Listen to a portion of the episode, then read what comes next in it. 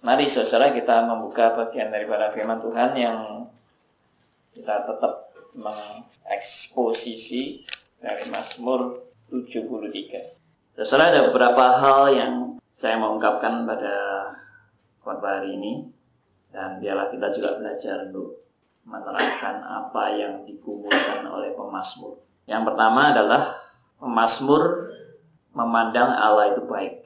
Saya akan terus mengekspos hal ini dan tiap khotbah selalu ada hal yang baru tentang Allah itu baik. Saudara, banyak orang yang sharing kalau saya melihat dari perjalanan hidup. Ya, kalau orang diberi kesempatan sharing tentang Allah itu baik, selalu arah daripada sharingnya itu apa? Tentang Allah itu baik.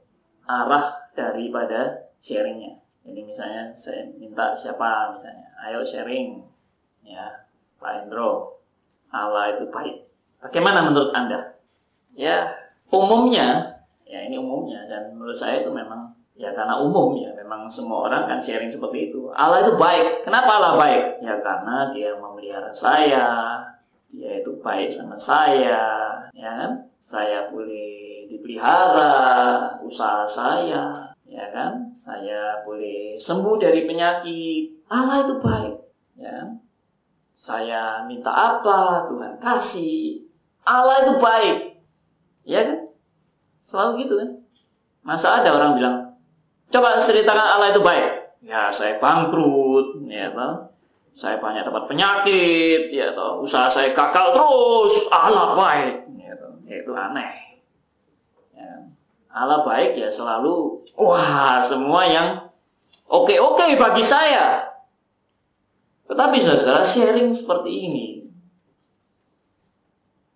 Kalau saya renungkan kembali dari Mazmur 73, itu sebenarnya adalah sharing yang egois. Sharing yang egois. Kenapa? Karena saya pikir Allah itu baik untuk saya aja. Allah baik karena Allah demi kebaikan saya, demi kepentingan saya, demi urusan saya, demi bisnis saya. Semuanya saya. Allah itu baik. Senternya, pusatnya adalah saya. Itu tanpa sadar. Kita itu sudah menganggap Allah itu adalah keberadaan Allah itu seluruhnya demi kepentingan usaha saya, kepentingan kesehatan saya, kepentingan saya, saya, saya. Semuanya saya. Jadi saya melihat pemazmur seperti yang tadi juga dibaca Mazmur 100 ya. Itu ternyata ada hal yang unik. Atau saya renungkan tadi waktu juga membaca Mazmur itu ada hal yang unik dari dia mengatakan Allah itu supaya baik buat saya. Tapi baik buat saya itu arahnya mau ke mana? Coba ya kita lihat tadi yang kita baca. Mazmur 109 ayat 26 dan 27. Nah ini perhatikan. Dia mempunyai konsep bagaimana Tuhan itu menolong dia. Dan Tuhan itu baik buat dia. Mazmur 19 ayat 26. Tolonglah aku ya Tuhan. Allahku. Selamatkanlah aku sesuai dengan kasih setiamu. Ayat 27 itu poinnya. Supaya mereka tahu bahwa tanganmu lah ini. Bahwa engkau lah ya Tuhan yang telah melakukan. Supaya Supaya apa? Bukan supaya saya senang, bukan supaya saya enak, bukan supaya saya, saya, saya, tetapi supaya mereka tahu bahwa tangan mula ini, bahwa engkaulah ya Tuhan yang melakukan dan yang menyelamatkan. Akhirnya tertujunya kepada demi Allah, bukan demi aku. Jadi poinnya Tuhan tuh menolong saya supaya nama Tuhan yang dimuliakan. Bukan sayanya yang terutama. Nah, karena itu berubah saudara. Konsep mengatakan Allah itu baik. Konsepnya adalah bukan antroposentris. Bukan demi kepentingan diri. Tapi Allah itu baik. Supaya Allah dimuliakan dalam hidup. Jadi mestinya ada kelanjutannya. Allah baik bagi saya, Allah baik bagi saya, Allah baik bagi saya, Allah baik bagi saya. Setelah baik bagimu, lalu kamu mau apa? Kamu mau menikmati semua untuk dirimu sendiri. Firman Tuhan mengingatkan kepada kita supaya dengan demikian nama Allah boleh dimuliakan. Supaya aku boleh memuliakan Tuhan. Supaya orang-orang tahu bahwa aku mempunyai Allah yang hidup Allah yang memberi kekuatan, Allah yang selalu menyertai dan tidak pernah meninggalkan. Nah itu mari kita belajar. Kita semua sering kali nggak sadar dalam mengatakan Allah itu baik. Tapi seharusnya baik itu demi kemuliaan namanya. Yang kedua, yang saya bisa pelajari dari pemazmur. Satu keunikan daripada tulisan pemazmur adalah dengan jujur mengakui apa adanya dirinya. Mazmur tidak menutup-nutupi akan pergumulan pribadi dan masalah-masalah dalam hidup. Dengan kata lain, pemazmur ini berani membuka diri. Inilah pergumulanku. Aku lagi tersandung aku melihat orang-orang itu. Aku gak terima melihat kesuksesan orang-orang yang tidak mengenal Allah. Dia dengan jujur mengakui pergumulannya. Meskipun mungkin melalui pergumulan-pergumulan seperti yang diutarakan itu bisa hasilnya orang menertawakan dirinya. Ini yang mungkin tidak ada pada kita. Kita itu selalu condongnya jaim. Apa itu jaim? Hah? Jaga image. Wah, orang selalu harus memandang saya sebagai orang yang demikian kuat imannya. Demikian saleh hidupnya. Image-nya bagus. Kita harus jaga itu. Jangan sampai ada orang yang, menjaga, yang menilai saya jelek. Itu kan yang selalu kita perjuangkan dalam hidup kita. Kita tidak mau orang lain menilai kita orang jelek. Oleh pemazmur itu kalau kita lihat mazmur-mazmur yang lain mengutarakan pergumulannya ya mengutarakan kejatuhannya, mengutarakan kekecewaannya, apa adanya dirinya, itu yang diungkapkan. Dan bahkan juga pengakuan dosa, itu pun ditulis di Alkitab. Antara lain Mazmur yang saya sangat berulang kali memperkenalkan Mazmur pengakuan dosa dari Daud. Yaitu Mazmur 51. Itu luar biasa. Setelah Daud berzina dengan Bathsheba, yang menulis Mazmur 51. Itu diungkapkan siapa dirinya di hadapan Allah. Bahkan di ayat 7 sampai Daud mengatakan, dalam dosa aku dikandung ibuku. Dalam kesalahan aku diperanakan. Aku sudah berdosa sejak dalam kandungan. Ini benar-benar pengakuan dosa yang paling paling rendah. Tidak ada pengakuan dosa yang bisa lebih dari ini. Soalnya sudah ngaku sejak dalam kandungan, bayangkan. Biasanya orang ngaku dosa, iya saya pada saat itu baru berdosa. Pada saat itu. Tapi Daud bilangnya apa? Sejak dalam kandungan, saya sudah bobrok. Ya, oh, luar biasa. Satu kejujuran mengungkapkan apa adanya dia. Saya nggak tahu kalau dalam bermasyarakat seperti ini, apakah kita bisa seperti itu? Saya yakin kalau semua buka-bukaan bisa habis. Malah mungkin jadi anjang berguncingkan di mana-mana. Ya, kan? karena manusia itu kalau dengar sharing nggak ambil baiknya, ambil jeleknya. Dan di gereja terkenal sekali, banyak wartawan-wartawan nggak dibayar karena ada berita apa langsung brrr, tersebar. Demikian juga ini barusan terjadi. Ya. Apa bilang marah-marah. Ada hamba Tuhan yang kim kim kim. Langsung habis pakaian. Siapa ya? Siapa ya? Siapa ya? Siapa ya? Oh. Ribuan orang langsung pengen tahu. Jadi nggak diambil positifnya, diambil ya rasanya kupingnya enak gitu loh dengar kejelekan orang. Ya? Lalu kok cerita sama orang lain jangan ya, jangan bilang, ini saya pasti tahu. Jangan bilang-bilang.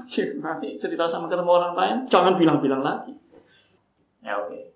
Tapi lepas dari semua itu, kita melihat pemazmur begitu jujur mengungkapkan dirinya. Tapi saudara, saya waktu membaca juga di bukunya Martin Lloyd Jones, saya senang dengan beberapa ungkapan yang ditulis di situ. Dia bilang, ada orang yang juga suka pamer dengan pengakuan dosa. Wah ini ini juga unik kan? Tadi di satu sisi ada orang yang wah joim, joim, jaga image, jaga image. Wah semua orang itu harus melihat saya itu bagus. Tapi ada orang lain, orang tipe lain yang suka pamer di dalam mengaku dosanya. Dan ini lagi sekarang lagi tenang. Pamer dosa. Tahu di mana? Pria sejati. Ya, no? Dalam pria sejati ini, organisasi pria sejati, saya nggak tahu ini apa namanya. Bolak balik diadakan retreat, retreat pria sejati. Di sana diunggulkan bagaimana suami yang mau mengaku dosa, bahkan mengaku dosa sampai di muka umum. Kami di mimbar, saya mengaku dosa, saya pernah berzina, saya pernah bersetubuh dengan perempuan lain. Itu dipamerkan. Dan Martin Lloyd mengatakan, di balik semua pengakuan dosanya yang dipamerkan itu, dia ingin berbicara banyak tentang dirinya sendiri. Dia mau bukan berbicara tentang kemuliaan Allah. Dia mau berbicara tentang dirinya sendiri, kehebatannya dia, sampai dia berani mengaku. Ini namanya pria sejati. Yang lain pria separuh atau pria yang banji, pria sejati yang berani mengaku. Saudara, ada apa di balik dia pamer tentang dosanya? Karena pengakuan dosa yang begitu mendalam tidak untuk dipamerkan, tapi untuk tertuju kepada Allah dan hati yang benar-benar hancur. Dalam pria sejati itu, saudara-saudara, orang yang pamer dosa justru tidak dihina, tidak diinjak-injak dan tidak dilempari batu. Tapi orang yang pamer dosa justru, wow, dapat pujian. Hebat kamu. Bisa ngaku dosa itu hebat. Itu yang dicari. Coba kalau ngaku dosa, hukumannya lempar batu, mana berani mau ngaku? Hah? Semua mengaku di mimbar. Akibatnya saya ngaku di sini saya dilempari batu. Waduh. Ya wanita ngaku nih. Tapi nek ngaku dosa harus semua orang memuji-muji. Hmm. Hebat ya. Ngaku dosa. Akhirnya semua kepingin ngaku dosa. Karena dipuji-puji. Hah? Coba Pak Koco ya. Terus ngaku dosa. Wah. Hebat. Tidak ada orang yang seberani Pak Kocok ya? Yang lain nanti muncul, yang lain muncul, wah hebat. Saudara-saudara, ini namanya teologi pamer. Mengaku dosa, seolah-olah merendahkan diri untuk dibalik semua itu ada maksud tersembunyi supaya orang tetap memuji saya. Unik ya. Hidup itu unik. Tapi pemazmur tidak demikian. Pemazmur sama sekali. Waktu dia sharing bagaimana mengaku dosa, hatinya begitu hancur di hadapan Allah. Dan poin utamanya adalah supaya Allah tetap yang dimuliakan, bukan diri. Mazmur selalu menggambarkan tentang keberadaan manusia. Siapakah manusia? Manusia tidak patut dipuji. Manusia tidak patut dimuliakan. Yang patut dipuji dan dimuliakan hanya Allah. Tidak ada yang lain. Mari lihat, kita lihat salah satu bentuk juga dari tulisan Mazmur. Nomor Mazmur 39. Mazmur 39 ayat 5 sampai ayat 7. Ini salah satu gambaran tentang siapakah manusia menurut pemazmur. Apakah manusia perlu dimuliakan? Mazmur 39 ayat 5. Ya Tuhan, beritahukanlah kepadaku ajalku dan apa batas umurku. Supaya aku mengetahui betapa fananya aku. Sungguh, hanya beberapa telempap saja kau tentukan umurku. Bagimu hidupku seperti sesuatu yang hampa. Ya, setiap manusia hanyalah kesia-siaan. Ayat 7. Ia hanyalah bayangan yang berlalu. Ia hanya mempeributkan yang sia-sia dan menimbun, tetapi tidak tahu siapa yang akan melautnya. Wah, luar biasa tahu. Manusia itu apa artinya? Seperti bayangan saja. Manusia mempeributkan hal yang tidak bernilai, menimbun, tapi tidak tahu siapa yang nanti akan meraup. Wah ini gambaran yang begitu dalam mengenai betapa fananya manusia. Manusia itu hanya seperti debu. Manusia itu seperti uap. Manusia itu seperti bunga rumput. Apa yang kamu mau banggakan. Dan apa yang kamu merasa dirimu hebat. Sungguh bersyukur Firman Tuhan terus mengingatkan kepada kita sehingga kita tidak jadi orang yang tidak tahu diri. Kita tidak jadi orang yang merasa dirinya begitu hebat, arogan, merasa luar biasa. Tuhan sekali pukul habis. Siapa yang bisa membanggakan diri di hadapan Allah? Mazmur tidak pernah memamerkan dosa supaya orang-orang memuji dirinya supaya orang wah bertepuk tangan untuk memuliakan dia kayak pemazmur share memang dia orang bodoh dan manusia hanya boleh bergantung kepada Tuhan oke okay? di sini kita bisa melihat saudara bahwa pemazmur mempunyai pemandangan tentang Tuhan sebagai satu-satunya yang kita bisa bergantung. Bukan kepada yang lain. Maka ini poin yang orang yang disadarkan oleh Roh Kudus tentang keberdosaan, kebobrokan, maka dia pasti akan memandang kepada satu fokus. Karena kedosaan, kebobrokannya dia ini, dia hanya bisa bergantung kepada Allah saja. Maka orang yang seperti ini adalah orang yang belajar terus dalam hidupnya. Mau mengutamakan Tuhan di atas segala-galanya. Kenapa kita sering kali tidak fokus kepada Tuhan? Karena kita sering kali memandang diri kita masih terlalu baik. Diri kita masih bolehlah diandalkan kehebatannya. Diandalkan ke kebaikannya. Diandalkan apa yang dimiliki harta bendanya. Oh, saya orang terpandang. Saya masih orang hebat. Orang yang seperti ini akan sulit untuk mengatakan hanya Tuhan satu-satunya penolong. Karena itu saya berulang kali mengatakan cara Tuhan sering kali mendidik anak-anaknya? Dengan kehancuran diri. Dihabisin. Sampai benar-benar mengaku Tuhan aku sudah tidak kuat lagi hanya engkau satu-satunya. Maka itulah keindahan luar biasa di dalam pergumulan iman setiap orang percaya. Jadi saudara kalau menerima hajaran dari Tuhan, jangan ngomel, jangan marah, jangan tidak terima dengan didikan Tuhan. Tapi Tuhan punya maksud yang baik sampai Anda dan saya mengalami titik yang terendah karena Tuhan aku sudah nggak kuat lagi. Tidak ada lagi yang bisa aku andalkan dalam hidup. Hanya engkau saja.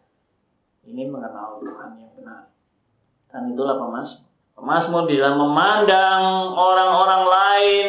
Ya, ada ada ada ada dua hal di sini yang terjadi dalam pemasmur. Yaitu dia memandang dirinya sendiri.